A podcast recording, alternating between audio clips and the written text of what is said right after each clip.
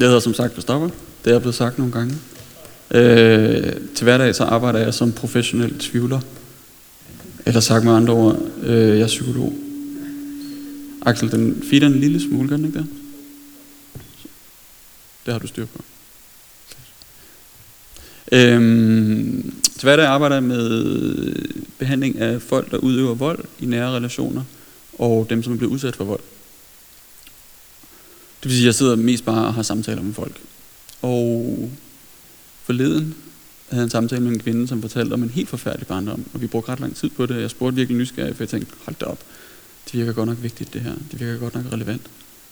Så havde vi siddet og talt om det i en halv times tid, så spørger jeg hende, bruger vi tiden på noget vigtigt nu her? Så siger hun, nej. Øh, det viser sig, at øh, hun har talt så meget om alt det her med hendes barndom, og hun har faktisk fundet fred med det. Så hun har ikke behov for at tale med mig om det. Der er nogle andre ting, som hun synes er meget vigtigere at tale med mig om. Jeg tænkte, vi havde en virkelig relevant og interessant samtale, og ja, det var vildt spændende for mig. Men det var faktisk ikke vigtigt for hende. I mit arbejde bliver jeg jævnligt nødt til at stoppe op og tvivle på, om jeg gør det rigtige. Øh, jeg stopper jævnligt op og spørger dem, jeg taler med, om vi bruger tiden rigtigt, om det er rart at svare på de spørgsmål, som jeg stiller, om det giver mening, øh, om vi om, der er, om det er trygt at være der, og øh, hvad de godt kunne tænke sig at opnå. For jeg kan have masser af idéer om, hvad jeg kunne have lyst til at opnå på deres vegne. Øhm, så det er derfor, jeg siger, at jeg er professionelt tvivler. Øh, jeg tvivler ikke på, om jeg kan finde ud af at være terapeut. Jeg tvivler ikke på, om terapien kan virke. Øh, jeg tvivler heller ikke på, at jeg ønsker min klient det bedste. Jeg tvivler heller ikke på, at de er der af en grund. Men jeg bliver nødt til at tvivle om nogle lidt mindre ting, om hvad vi gør i samtalen. Så det er det, jeg kalder professionel tvivl. Noget, som ikke er de helt store spørgsmål, men som er sådan et lidt indsnævret fokus, som jeg reelt ikke kan vide noget om, fordi jeg ikke aner, hvordan det er at være et andet menneske. Og så har jeg tænkt lidt over, at jeg tror i virkeligheden, jeg har brugt den her professionelle tvivl øh, en del i min tro igennem tiden. Jeg tror aldrig rigtigt, jeg har tvivlet på, at Gud eksisterede. Måske sådan i små glimt, men øh, ikke længere tid ad gangen. Til gengæld er der tusind andre ting, som jeg har gået og tvivlet på. Hvordan verden hænger sammen. Øh, hvordan, øh, hvad Bibelen er for en størrelse. Øh, hvem Jesus er for en størrelse. Om Gud har skabt verden på øh, seks dage, og øh, hvordan hænger det sammen med evolutionslæren for eksempel. Og et hav andre spørgsmål. Øhm, men det vil jeg prøve at sige lidt om. Professionel tvivl hvordan vi kan bruge det, vores tro. Jeg har en pointe, som er, jeg tror faktisk, at professionel tvivl kan styrke vores tro, og måske også skærpe den en lille smule. Jeg tror også, at en vis portion af professionel tvivl kan være sund for vores kristne fællesskab. Jeg tror også, at tvivlen har nogle meget klare begrænsninger, og at den kan blive usund, hvis vi fokuserer for meget på den. Så det er de tre ting, jeg vil sige lidt om. Når man læser Bibelen, så kan man støde på en rigtig mærkelig bog, der hedder Prædikernes bog. Den er med al sandsynlighed skrevet af Salomo, som var søn af kong David, og han var præst i Israel, eller han var konge i Israel. Og han har skrevet højsangen, øh, og han har skrevet en salme i Salmernes bog, og han har skrevet ordsprogenes bog. Øh, og historien i Bibelen lyder, at Gud øh, gav ham visdom, og han var den viseste mand i sin tid. Når man læser prædikernes bog, så støder man på et verdenssyn, som er gennemsyret af meningsløshed og tomhed. Han skriver om, hvordan øh, han har tænkt over alt i livet, han har afprøvet alt, han har afprøvet øh, rigdom, fattigdom, kærlighed, øh, øh, arbejde, ikke arbejde, alle mulige ting. Og det han finder, det er, at det er tomhed og jagen efter vind. Men han slutter med at sige, frygt Gud. Øhm, og hele vejen igennem Frederikons bog, i al den her meningsløshed og tomhed, bliver han ved med at sige, Gud står bag alting, Gud er med i alt. Så det er et verdenssyn, der er et verdensbillede, som er gennemsyret af tomhed, meningsløshed, og så alligevel en Gud, som er i det hele. Øhm, for mig er det virkelig, virkelig interessant, at, at den bog overhovedet er med i Bibelen. Fordi hvorfor er Bibelen ikke sådan den, hvor vi får svarene på det hele? Hvor vi får et program for hvad det er, vi skal tro på som kristne. Er det ikke sådan, at alle jer, når I er kommet herind, og så tror I på præcis det samme som mig? Fordi vi jo er kristne, og vi kommer i kirke. Er der ikke øh, 200 programpunkter, som vi alle sammen kan skrive under på? Som står i Bibelen, hvor vi siger, det her, det her, det her, det her, det tror vi selvfølgelig på. Øh, nej, er det oplagte svar. Jeg spørger jo lidt retorisk, ikke? Men prædikernes bog minder for mig, eller er et eksempel på, at der er plads til tvivl i vores tro og i vores kirke. Der er plads til en følelse af meningsløshed og tomhed. Og måske er der også en grund til, at den er der. Øh, måske er det sådan, at vi mennesker engang imellem ikke kan undgå at opleve meningsløshed og tomhed. Måske er det sådan, at når vi støder på de helt store spørgsmål i livet, så nogle gange så bliver vi ramt af meningsløshed og tomhed. Jeg har det sådan, når jeg tænker på evigheden, så eksploderer mit intellekt fuldstændig. Jeg kan ikke forestille mig evigheden. Hvis jeg begynder at tænke det til ende, så vil jeg automatisk tænke på en eller anden slutning. Men hvis jeg tænker evighed, så er der ikke nogen slutning, så fortsætter det. Så eksploderer mit intellekt. Jeg kan slet ikke rumme det. Øh det kunne være et eksempel på en tvivl, eller en, måske en anden tomhed, eller en meningsløshed. Øhm, men når der er en bog, som prædikernes bog i Bibelen, så tænker jeg, så er det fordi, at der godt må være de her spørgsmål. Der godt må være den her tvivl og den her følelse af tomhed. Og måske er den lige frem konstruktiv. Måske er der nogle tanker, øh, som er rigtig relevante at have. Måske er der nogle spørgsmål, som er rigtig gode at have. Måske er der en professionel tvivl, som er god for os. Jeg har selv beskæftiget mig med som nogle af de ting, jeg nævnte før. Øh, en ting, som har været rigtig svært for mig at arbejde med, det har været, hvorfor er der ondt i verden, når Gud påstår, at han er god og almægtig. Øh, det fandt jeg nogle rigtig gode ståsteder i forhold til hos en italiensk filosof, øh, da jeg gik til nogle undervisning, noget undervisning på universitetet, på Københavns Universitet. Det var ikke i kirken, jeg fandt et virkelig godt ståsted for det. Når jeg siger ståsted og ikke svar, så er det fordi, jeg tror ikke, at der findes knivskarpe svar til de meget svære spørgsmål. Der er spørgsmål, der er så svære, at det ikke kan svares på enkelt. Øh, og jeg tror, at enkle og dårlige svar på komplekse spørgsmål kan føre til en ubehandlet tvivl i os. Nu skal det ikke lyde sådan helt vildt freudiansk eller psykoanalytisk med, at så er der en masse ubehandlet inde i os, som vi skal arbejde med. Men en gang imellem, øh, jeg havde en kammerat, der druknede for nogle år siden, øh, en af mine nære venner, og der oplevede jeg, at det var en fordel for mig at have tænkt over og fundet nogle gode ståsteder for, at der godt kan være ondt i verden, og jeg stadigvæk kan tro på, at Gud er god og kærlig og almægtig.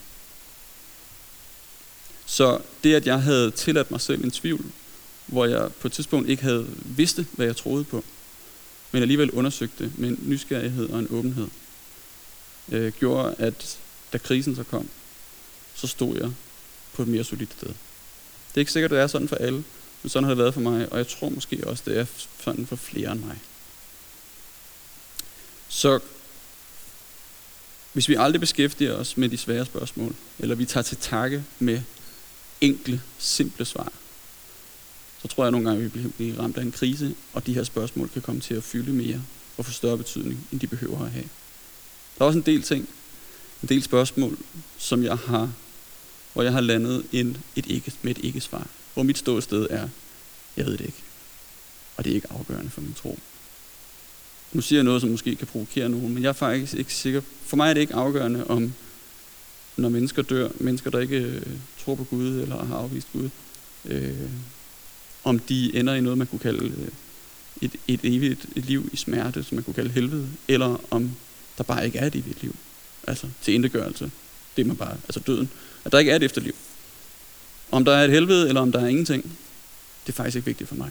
Måske er det vigtigt for nogle af jer, og det er også okay. Måske er det vigtigt for den her kirke at vide, og have et svar og en holdning til. Men for mig er det ikke vigtigt. Det betyder også, at hvis jeg møder nogen, som har den ene eller den anden holdning, så rokker det ikke min tro. Det betyder også, at jeg kan rumme mennesker, som har andre synspunkter end mig. Og det er ikke for at lyde frelst, men det leder mig til min næste pointe om, at der godt må være en vis portion af professionel tvivl i vores kirke.